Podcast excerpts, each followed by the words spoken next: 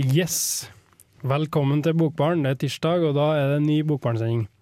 I dag så er det litt, eh, faktisk litt spesiell eh, Bokbarnsending, av at vi har tatt opp to nye i Bokbarnprogrammet. Det er Siri, som har vært med litt et par siste sendingene. Hei, Siri. Hei. Og det er Snorre, Hei. som ikke har vært med før. Nei, men da kan jeg kanskje introdusere meg selv. Det skal du få lov til. Ja, Snorre, 22 år fra Bergen. Jeg er veldig glad i eksistensialisme, så det her passer ganske bra. Og så blir jo dette litt uh, typisk, dessverre, men jeg er også glad i Solstad. Dessverre glad i Solstad. Ja. Sånn, er det, sånn er det bare å være litteraturinteressert i Norge i 2016, eller der omkring. Da er man interessert i Solstad. Så ja, er det mer å si om deg, Snorre, enn eh, Du er fra Bergen og interessert i Dessverre det òg. Ja, det, sant? Det blir mye, det blir mye på en gang her. Ja. Men du har jo heldigvis tatt til vettet og flytta til Trondheim, da. Ja. Strålende mye. Ja, sant? Så det øh, Nå har vi vært ute i parken her og kosa oss litt med en øh, liten pils før i sendinga og greier, så da regner jeg med det går bra. Dette går veldig bra. Ja. Og du, Siri. Det, ja, som sagt, vi har jo, du har jo vært litt her før, men kanskje du vil si et par ord om, om deg sjøl? Om meg sjøl, ja. Eh, jeg heter da Siri. Jeg er ifra den fantastisk flotte flatbygda Solør. 26 år gammel, eh, litteraturstudent faktisk, og har bestemt da å bruke liksom masterinnspurten min på å prate på radio her tirsdag sammen med Dødto. Ja. Du skriver masteroppgave om eh, Nei, det var ikke Stendal, var det? Jo, Stendal. Stendal, ja. Stendal, ja. ja. For alle som ikke kjenner Stendal, da, så er han en, eh, en tidlig fransk realist. eh, Og romanen jeg skriver om, heter Le Rouge et Le Noir, eller Rødt og svart, da, som eh, denne oversatte på norsk. Kom ut i 1830, så jeg driver mye med historie. Det har vært noe skikkelig Ja. med bare snakk eh, på den mikken. Bytter vi litt mikk og greier her. Yes. Um, så du skriver altså masteroppgave, ja. Er det um, Jeg tenkte å si at uh, se- i sendinga i dag, som Snorre så vidt var inne på, så, så prater vi om uh, eksistensialisme. Og vi skal innom litt forskjellige ting. Både fra altså eksistensialismens begynnelse og opp uh, utover 1900-tallet. Og innom forskjellige forfattere som Albert Camus og norske filosofen uh, Petter Wessel Zapfe, og litt forskjellig annet. Og så har du, Siri, forberedt en liten eh, introduksjon til det her. Ja, for jeg vil tro at de fleste har noen konnotasjoner eller assosiasjoner til begrepet om eksistensialisme. Eh, For eksistensialisme er jo en, både en filosofisk og litterær retning. Men den, er, den skriver seg jo òg inn i en lang filosofisk tradisjon, egentlig, som starter med, med Nietzsche og Kirkegård eh, på sent 1800-tallet. For idet Nietzsche erklærer Gud for døv, så oppløses det kristne dogmet. Så kommer da et av metafysikken og eksistensen og filosofens viktigste spørsmål på bana. Nettopp her er meninga med livet. Eh, for det at Gud er død, det er eh, en såkalt nihilistisk konklusjon. Og nihilismen den fornekter alle teoretiske og praktiske verdier. Den opphever alle religiøse eller moralske verdier. Og mange hevder at eh, nihilismen alltid har eksistert. For det, det, den nihilistiske følelsen da, den gir utslag i en følelse av apati, melankoli eller til, stillstand. Eller som et overordna spørsmål om, om eksistensens betingelser og verdier. Da. For til tross for at Gud er døv, så er den meningsbærende plassen som religionen hadde tildelt han, da, den har overlevd. Så plassen fungerer fortsatt verdiskapende for et fellesskap. Den er noe utafor eller overfor enkeltindividet. da. Eh, Et av de beste eksemplene på kanskje altså, metafysikken fungerer, er nettopp The Force i Star Wars. For alle har på en måte sett den filmen og skjønner at altså, The Force fungerer for The Jedis. da. Så det er på en måte Gud har den plassen, eller har hatt den plassen, da. Men den har overlevd Gud. Eh, Så vi fyller den i dag med tilsynelatende meningsfulle ting, som ja, teknologi eller tanken om framskritt, eller religion fortsatt, da. Og den er fortsatt en, en gjenstand for filosofisk undersøkelse, og det bringer oss over på 1900-tallet og den europeiske eksistensialismen. For den oppsto i kjølvannet av andre verdenskrig. Det var først og fremst en fransk bevegelse eh, med Sartre og Camus. Den har fokus på begrep som fortvilelse, sjælbedrag, fremmedgjøring og angst. Og eh, den har gjort at mange filosofer spør seg om nettopp hva livet innebærer.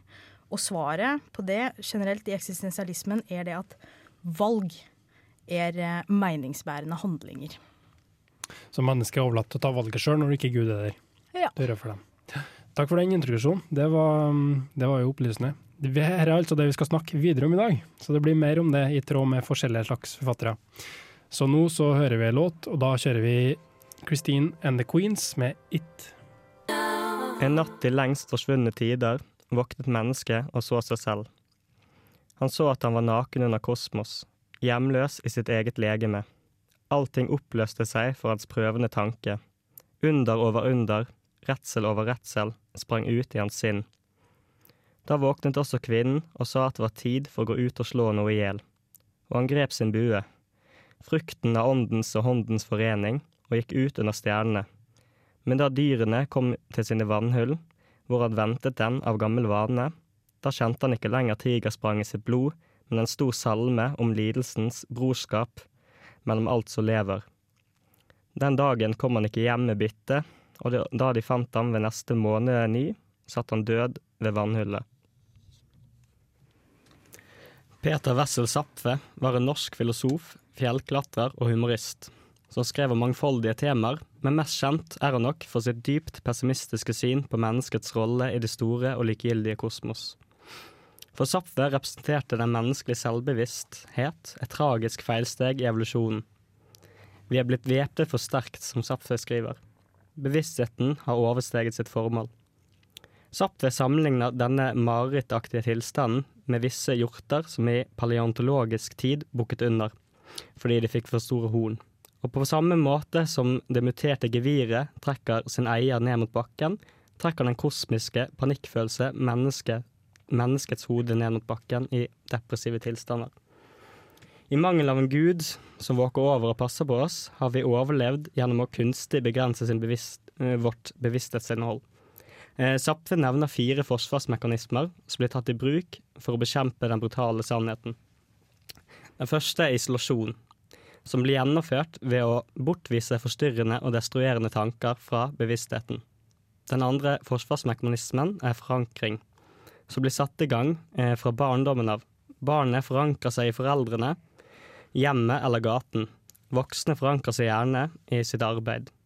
Eh, Selve kulturen er for saffet, en stor forankringsmekanisme. Videre følger distraksjon. Her holder man oppmerksomheten fra sin uunngåelige tilintetgjørelse vekke ved å fòre dem med inntrykk og stimuli utenfra. Eh, Den siste forsvarsmekanismen eh, er sublimasjon. Og her blir lidelsen forandret gjennom stilistiske og kunstneriske evner til kunst.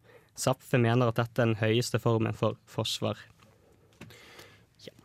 Yes, der fikk vi altså en slags oppsummering av uh, en del av Zapfe sin filosofi, egentlig, Snorre. Ja. Uh, og Peter Wessel Zapfe, ikke den jeg heter? Jo. Navnet? Ja. Han, eh, norsk eh, filosof som du sa, han var jo en slags eh, mentor eller lærer for Arne Næss, var han ikke? Nei, han var vel hovedsakelig god venn med Arne Næss. Venn, ja. OK. Men ja, hva jeg tenkte å si at eh,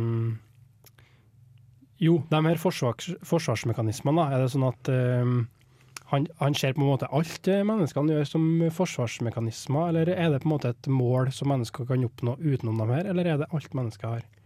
Nei, Han ser vel på det slik at eh, det ikke eksisterer noe mål. Og at Det ikke eh, den, den grunnleggende, grunnleggende motivasjonen for å gjøre noen ting er å unnslippe denne brutale sannheten som han snakker om.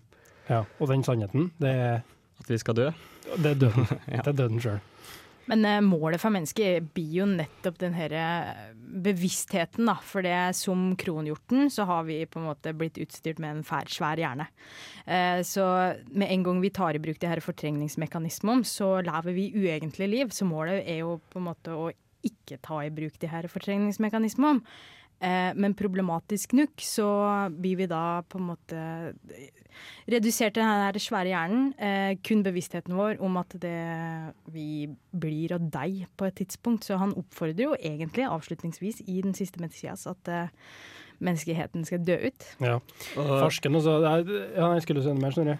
nei, det er jo veldig vanskelig, og vi har jo selvoppholdelsesdriften. Det er jo ganske fundamentet. altså, er et stort viktig for oss, og det er, jo, det er jo veldig vanskelig å avslutte det selv. Men å, å, å slutte å bringe nye vesener inn i tilværelsen, det er jo det han reklamerer for Ja, på sin egen måte. Læl. Altså, jeg føler at når du sto og løste det med forsvarsmekanismer, så bare tenkte jeg sånn Ja, det driver jeg med. Ja, det driver jeg med. Jeg tenker sånn, jeg er jo så glad i forsvarsmekanismene. Ja, distraksjon og hva mer det var. Så det, altså, det, ja, som vi vant på, da, det er jo det mennesker ofte driver med. da. Altså Om man skaper noe kunst eller skaper noe unger, eller sånn, så er det jo, så er det jo på en måte og det å ja, kanskje unnslippe noe. da. Ja, det er, jo, det er jo som oftest et forsøk på det, og særlig den sublimasjonen, eller den sublimeringa, som jo faktisk Wessels eget Sapfe, hører du, unnskyld, eget essay er et eksempel på, er jo det vi bedriver her i Bokbarn aller mest. da. Ja. For det gjennom litteraturen så får jo på en måte den smerten og den eh, trangen til uttrykk for bevisstheten, da, den får jo en opplevelsesverdi. Ja, Zapf har jo litt eh, metaperspektiv på dette essayet, da, der han, eh, der han eh, innrømmer at han driver med sublimasjon Ja. mens han skriver det. Mm. Jeg tenkte på, og- tenkte også på det da du leste at det, for dem som har sett den serien True Detective, så er det vel eh, unektelig noe kjent eh, som går igjen der. Har du, du har sikkert tenkt på det, eller? Har du, Ja, ja. True Detective er hovedsakelig basert på eh, Thomas Legatti, da, som skrev en bok som het eh, The Conspiracy Against the Human eh, Nature. tror jeg. Ja, Ja, eh, og den er basert på Saffe.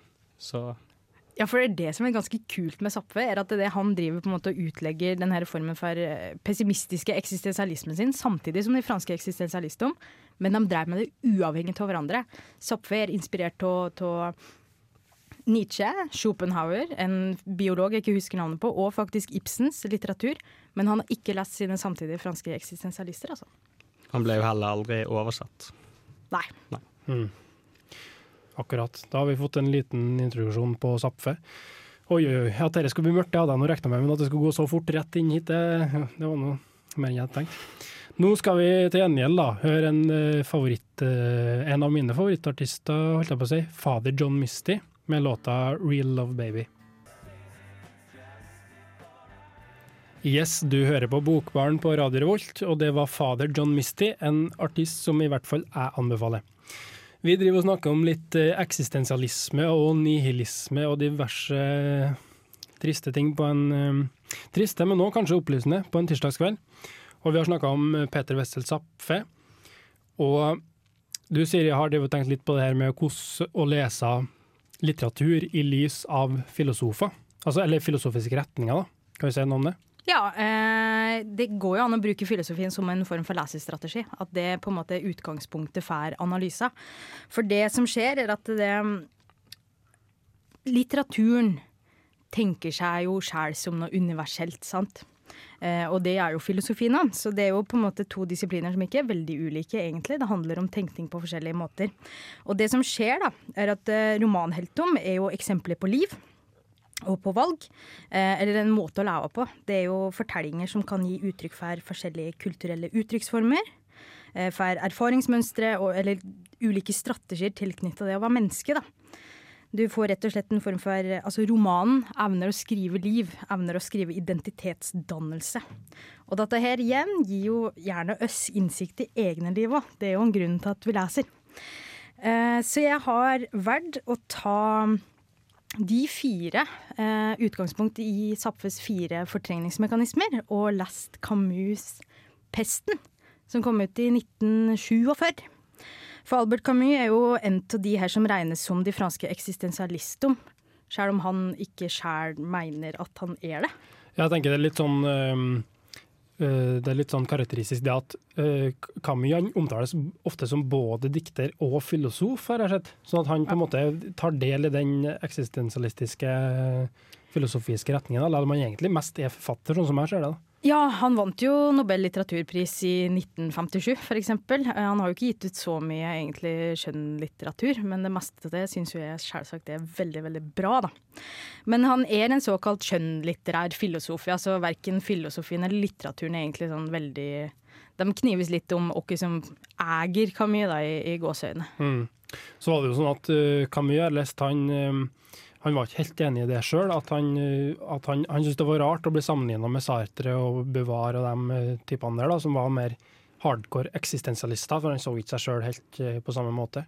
Ja. Han så seg sjøl mer i en litterær sammenheng, kanskje med litt sånn uh, absurd litteratur, kanskje, i, i med, med den fremmede og kanskje med pesten òg, jeg vet ikke. Ja, eller absurdismen er jo gjerne et altså det mest kjente filosofiske verket til Camus er vel egentlig 'Myten om Sisyfos', som er nettopp altså undertittel 'Essay om det absurde'. Og det absurde er vel, nå får du arrestere meg om jeg husker galt, men det er vel på en måte mangel på sammenfall mellom våre fordringer til verden og slik verden viser seg, da. Høres uh, sannsynlig ut. Høres sannsynlig ut, Høres ja. Ja. Men eh, litt tilbake til Zapfe, da. Og, og tilbake til pesten. Eh, for det, det som skjer i pesten, er at eh, det er en, en eh, landsby som rammes av pest. Eh, denne landsbyen heter Oran. Og de innbyggere i denne pestramma byen de tar i bruk lignende fortrengningsmekanismer som vi ser hos Zapfe. Eh, fordi de på en måte forsøker å overleve en eksistens som pga. karantena da har blitt lukka for omverdenen og mange av sine kjære. Eh, og det er ikke bare slik at døden lurer i på en måte pesten, men, eh, men de våkner opp som en følge av at de fratas alle sine distraksjoner. Eh, så våkner de opp, slik vi har sett hos Zapfe, og blir bevisst at det døden egentlig, eller livet er meningsløst, for det fører jo bare kun fram til døden, på en måte. Så, så de slutter eh, å leve sine liv på en hverdagslig og rutineprega måte. Så dødsbevissthet og det her med å bli stilt overfor sin egen skjebne nakent, det er jo til stede i den Absolutt. romanen, i tråd med eksistens eksistensialismen. Ja, absolutt. For Mm. det, det som er greia med døden, er jo at alle er like i møte med døden. Ja. Ja. Det er ganske, det er ganske viktig En viktig innsikt. Og, og Men ja, men, ja, men det er bare sånn som, sånn som jeg har opplevd Camille som skriver om det. Han, han er på en måte veldig opptatt av at det er noe som hver og en må innse, virker det som for meg. At det er på en måte en innsikt som ikke altså, Man kan jo tenke seg det rent intellektuelt, men at det er på en måte noe man må jobbe for å, for å møte sjøl òg, da. døden Ja, det, det at døden er noe alle møter, og noe som er Hver har sin individuelle død, da. Nei, Saffe skrev vel om at hvis alle innser det, så kan vi skape et slags lidelsesfellesskap, da. Det er vel det som er formålet med det hele, kanskje. Ja, men altså, det som er greia med Camus, er at han har egentlig ingen klar konklusjon på hva han mener med det. Så her er det altså flere tolkningsmuligheter. Vi er nødt til å ta en pause igjen. Vi har samme låt. Vi hører Colin John med 'Gylden'. Og på disse slettene, virvlende av sol og støv, på disse nakne åsene med skorpe av brent gress, var det en ren, utilgjort form av min egen sans for intethet jeg berørte med fingeren. Dette landskapet førte meg inn i hjertet av meg selv og stilte meg ansikt til ansikt med min egen hemmelige angst. Men det var og var ikke angsten fra Praha. Hvordan skal jeg forklare? Foran dette italienske slettelandet av trær, sol og smil følte jeg klarere enn noe annet sted stanken av død og umenneskelighet som hadde forfulgt meg i en måned. Ja, denne overfloden uten tårer, denne freden uten glede som fylte meg, alt dette var ikke annet enn en klar bevissthet om det jeg ikke kunne nå, avkall og likegyldighet. På samme måte som den som skal dø og vet det, ikke interesserer seg for hva som vil skje med hans kone, annet enn i romaner. Han realiserer menneskets kall, som er å være egoist, altså fortvilet. For meg fantes det intet løfte om udødelighet i dette landskapet. Hva gjorde det meg å leve videre i sjelen, men uten øyne til å se Vicenza, uten hender til å berøre druene i Vicenza, uten hud til å føle nattens kjærtegn langs veien fra Monte Brico til Villa Valmarana? Det vi hørte der, var ei opplesning som jeg har spilt inn av um, Albert Camus' 'Retten og rangen', som er et ungdomsverk av Camus som det kom først ut i 1957 eller 58, tror jeg, men han skrev det da han var 22-23 år. Så da, det, det er jo skrevet av en veldig ung forfatter. da. Men jeg syns det oppsummerer en del ting som er ganske viktig med Camus. da. Det handler om når han, etter han har vært på reise i Praha, som det var nevnt i klippet, der han har gått rundt i en fremmed by og på en måte sett alt utenfra. Når du er alene på reise, så har du på en måte ikke den trygge vanen og det kjente å gjemme deg. da. Du ser på en måte ting som de er mer. Og du har den her dødsbevisstheten som han snakka om, at uh, han føler seg alene overfor det her. Og da kjenner jeg på det forholdet alle må møte med døden. Og, um, og da, i summen av det, da, er jo på en måte, sånn som jeg ser det, da, Camus uh, Noe av Camus' eksistensialistiske tendenser. Så jeg kan jo si at jeg likte egentlig er, uh, Siri, du har lest 13-rangen før? Nei, Nei. nei, du har lest, nei, det sånn ja. Du har lest mye annet, Camille, men ja.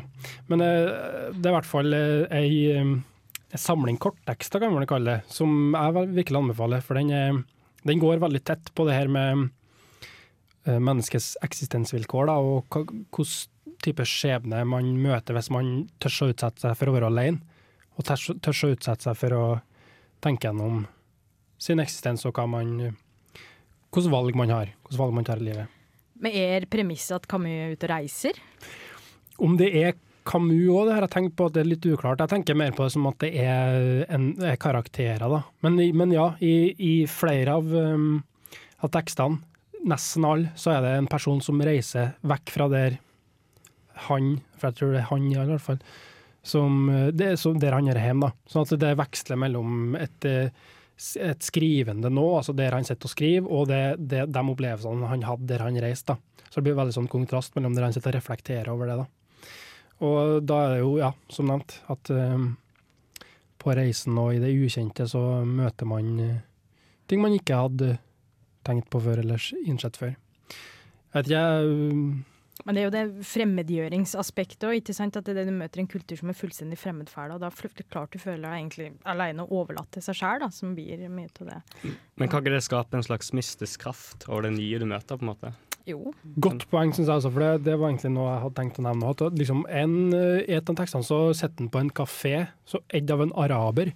Og Det er ikke helt sagt hvor det er, men han, sa han vet jo at han er fra Algerie, han Camille, og, og kanskje, eller det kan være andre plasser òg, i, den arabiske verden, da, der han sitter og tar inn lukta og stemninga den mørke natta. Man, det, man får en helt annen følelse da, av eh, av um, den litterære virkeligheten som beskrives, når det, når det beskrives at det er en helt ukjent plass. Og en annen plass så sammenligner den, det var den teksten som det var utdrag fra, sammenligner en Praha med det italienske landskapet.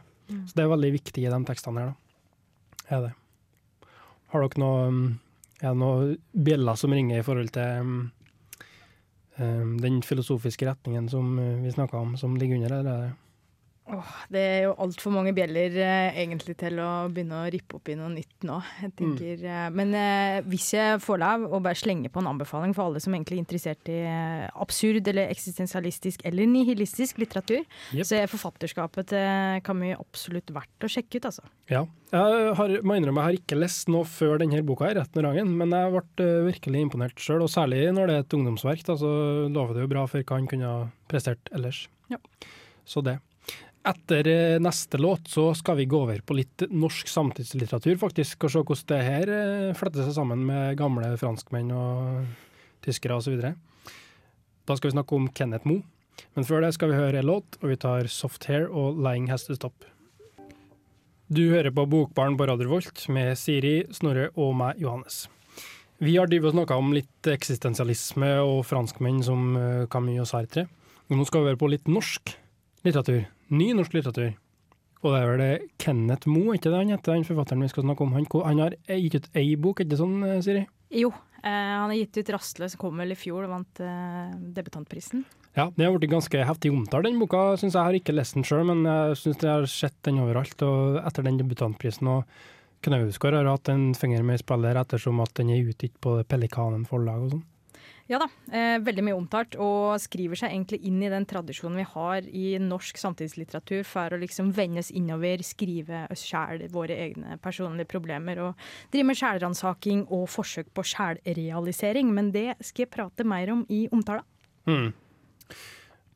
Men på, um, på dataskjermen framme meg, der det står info om hva, vi snakker om, så står det 'Hvorfor Mos rastløs'. Ja, Da kan vi si hvorfor snakker vi om den eh, boka her, egentlig. Eh, hvorfor den her i denne sammenhengen? Kan vi snakke, kanskje litt om hva den eh, Ja, det har du egentlig sagt, litt om hva den tematiserer. Ja. Men uh, Det er jo det at det er på en måte den eksistensialistiske trangen til å gi, komme fram til en eller annen form for mening i livet gjør seg veldig gjeldende da, i, i romanen. Ja, og det med isole isolering, da. At de karakterene i den tradisjonen ofte, både med Linn Lundfjæren og Kenneth Moe, på en måte Ja, de velger å isolere seg i håp om at det skal gi dem en eller annen innsikt i seg sjøl. Ja. At det, de blir på en måte romantiske individer som skal bestemme sin særegenhet ut ifra isolasjon og, og egentlig i møte med de andre. Mm. Så de trekker seg vekk fra samfunnet. Og ikke nok med det. Det er jo uh, Ugressfestival, som er en litterær festival, nå, eh, det er nå til helga. Det starter i morgen onsdag. Ja. I morgen på poesislam, og så er det egentlig elleve arrangementer i løpet av fra og med i morgen til og med søndag. da. Men eh, Kenneth Moe eh, kommer og skal prate om kjønn og identitet på Sosiologisk poliklinikk på lørdag klokka 15.00 for å drive litt skamløs promotering til det. Eh, og da skal han og en annen forfatter, Martine Næss Johansen, i samtale med NTNUs Per Espen Myhrens Fjelstad prate om nettopp det her med kropp, identitet og sjælopptatthet. Hvorfor skriver de den type litteratur de gjør? Hvorfor har vi på en måte den der vendinga innover da, i, i dagens litteratur? Mm. Så Bokbarn er altså først ut, og så følger Ugressfestivalen opp. Ja. Sånn er det. Da tror jeg vi hører um, Siri sin omtale av denne boka, 'Rastløs' av Kenneth Moe. Kenneth Moe vant Tarja Vesaas debutantpris for romanen 'Rastløs', som kom ut på Pelikanen forlag i 2015. Det er en kortroman ført i pennen av en navnløs jeg-forteller, bestående av små prosastykker og aforismer som tar opp ulike tema. Noen ganger med sammenheng, og andre ganger uten. Men satt sammen så skapes en roman preget av en søken etter en mening i en ellers meningsløs hverdag, der ensomheten hersker. Hverdagslige scener avløses av refleksjoner om menneskets eh, eksistensbetingelser og mørke sider. Allerede på første side til romanen så blir det åpenbart at romanen tematiserer sin egen tilblivelsesprosess. Jeg er skrevet om og til et du, og den påfølgende teksten blir en del av brevet hans til hender i sin lengsel etter hender. Samtidig så er det et ønske om å skrive noe som kan endre sine egne behov. Kjærlighet er et sentralt tema, og skrivinga fungerer terapeutisk i jegets søken etter seg sjøl. Men språket blir aldri inderlig. Det er fortsatt eh, kort og konsist. Forståelse er målet. Jeget har slutta på retorikkstudium sine for å skrive. Han befinner seg ofte innelukka i leiligheten sin, der en gammel lenestol fungerer som kontor. Sammen med lukta av inntørket sæd og skitne håndklær, så puster han inn muggsopp om natten og spør seg sjæl om Amien egentlig kan lære om livet ved å se ut ur sprekker i pers gjennom. Her lørdag så er det pannekaker til frokost, og følelsen av sukker, knasende av tenna, fungerer som lyspunkt i en ellers dyster hverdag. Ensomheten er verd fordi han foretrekker den, men han verder aldri å foretrekke ensomheten. Duet som er påkalt i boka, det er en, en opptatt kvinne, men uh, som allikevel åpner for at jeg er for lengta etter henne. Hun inviterer og trekker seg vekk samtidig. Hun varierer mellom å være til stede og fraværende, men er uansett ofte synlig i tekster.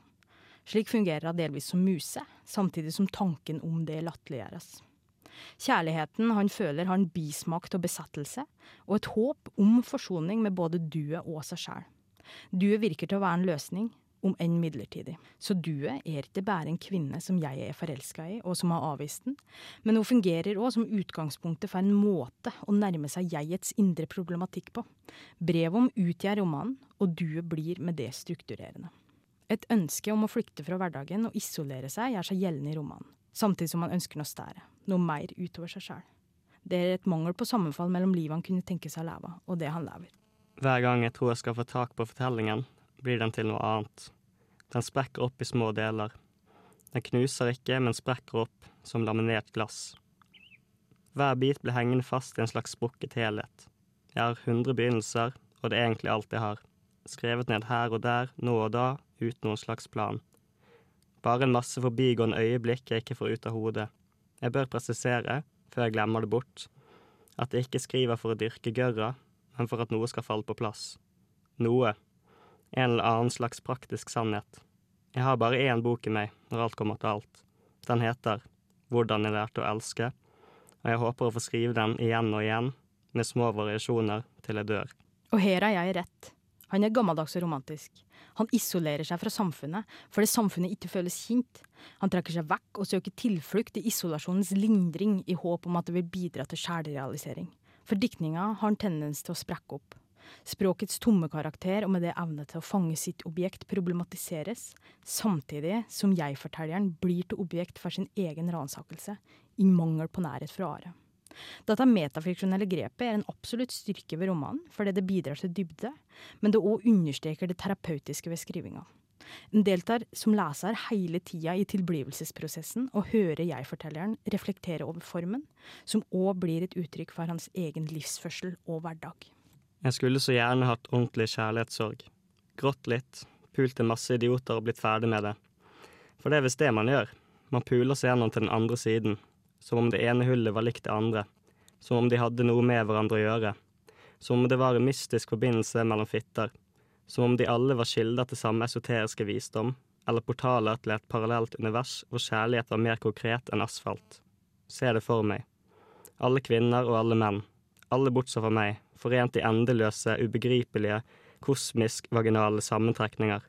Bare jeg står her, utenfor, gammeldags, romantisk, svak, opphengt.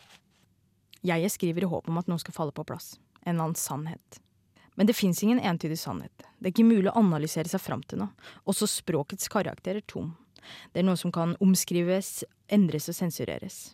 Og slik blir av en egoistisk prosess, og kun én av mange mulige veier mot seg sjæl. Romanen blir en søkende etter en identitet som slipper unna, som veksler fra uke til uke, som etterlater jeget med kun desperasjonen.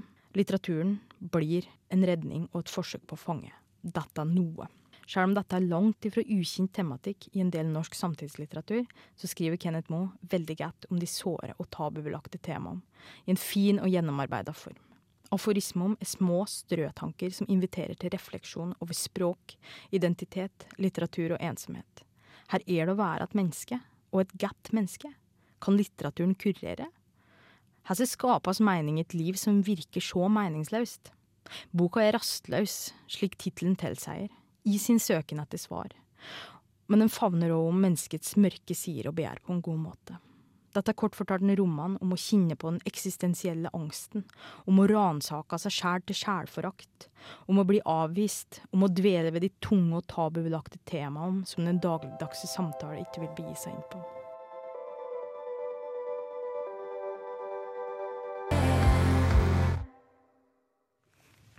Det var Silja Sol med 'Dyrene'.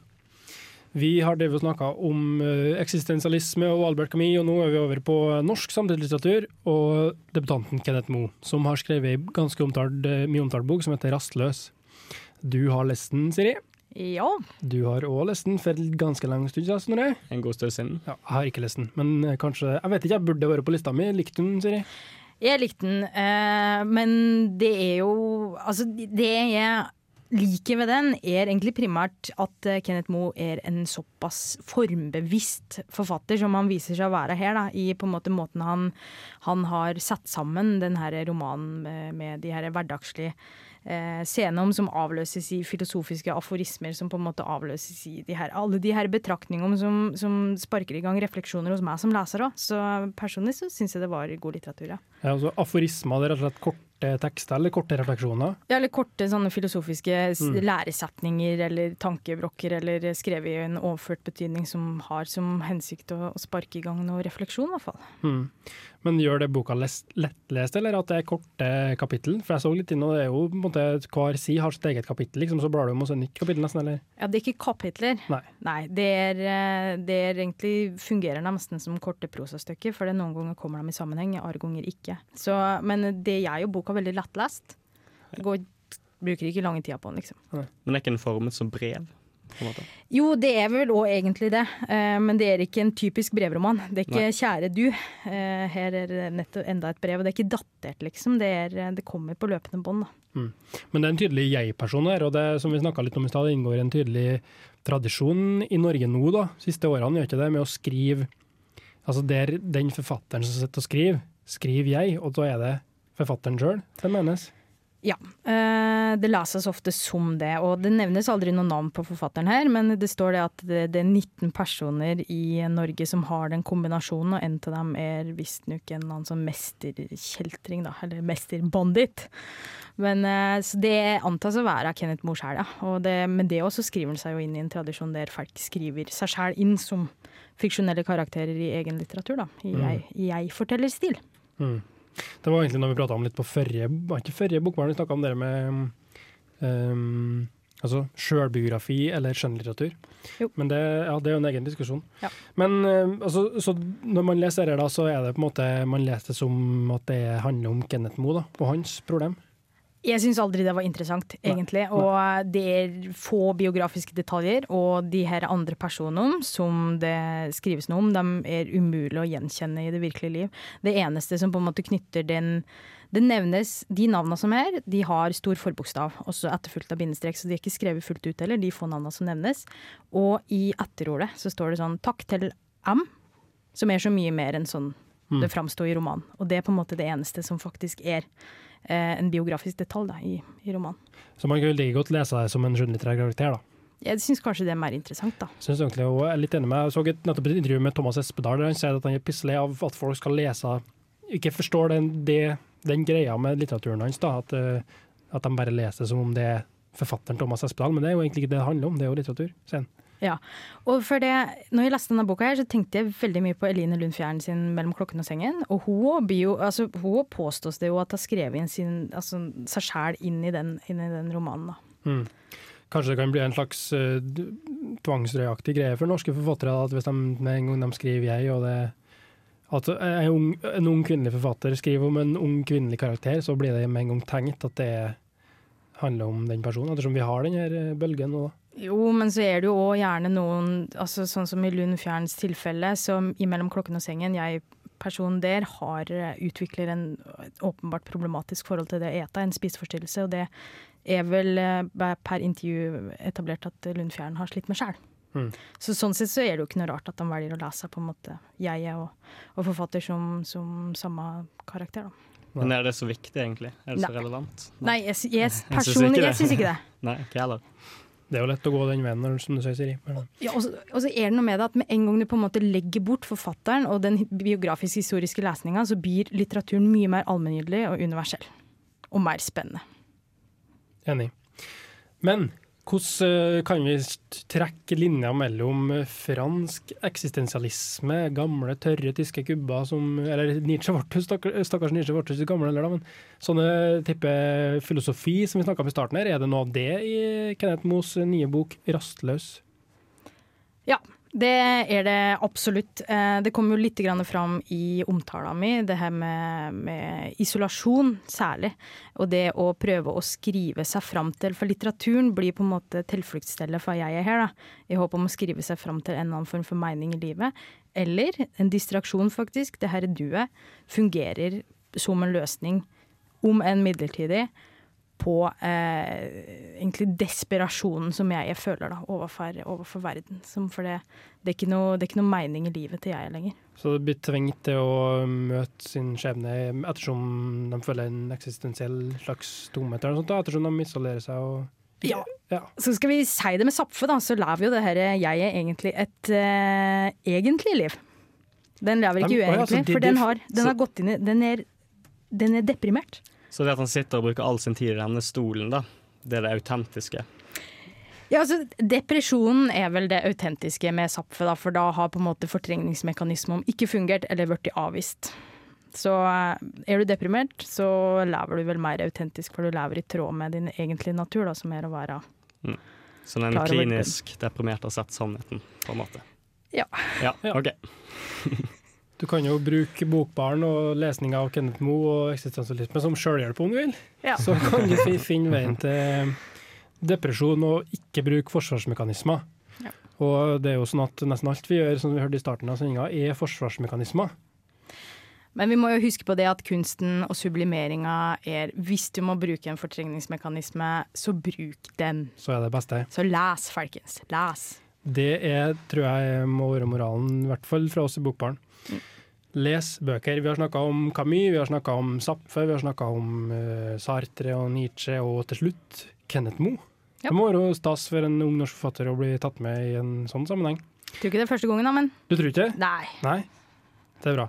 Kenneth Moe kommer på Ugressfestivalen. På hvilken dato var det? Var det Det var lørdag 17.9. på Sosiologisk poliklinikk klokka 15.00. Anbefaler alle å gå inn på litterærtkollektiv.no og sjekke ut resten av Ugress-programmet, for det er veldig mye spennende på, på plakaten.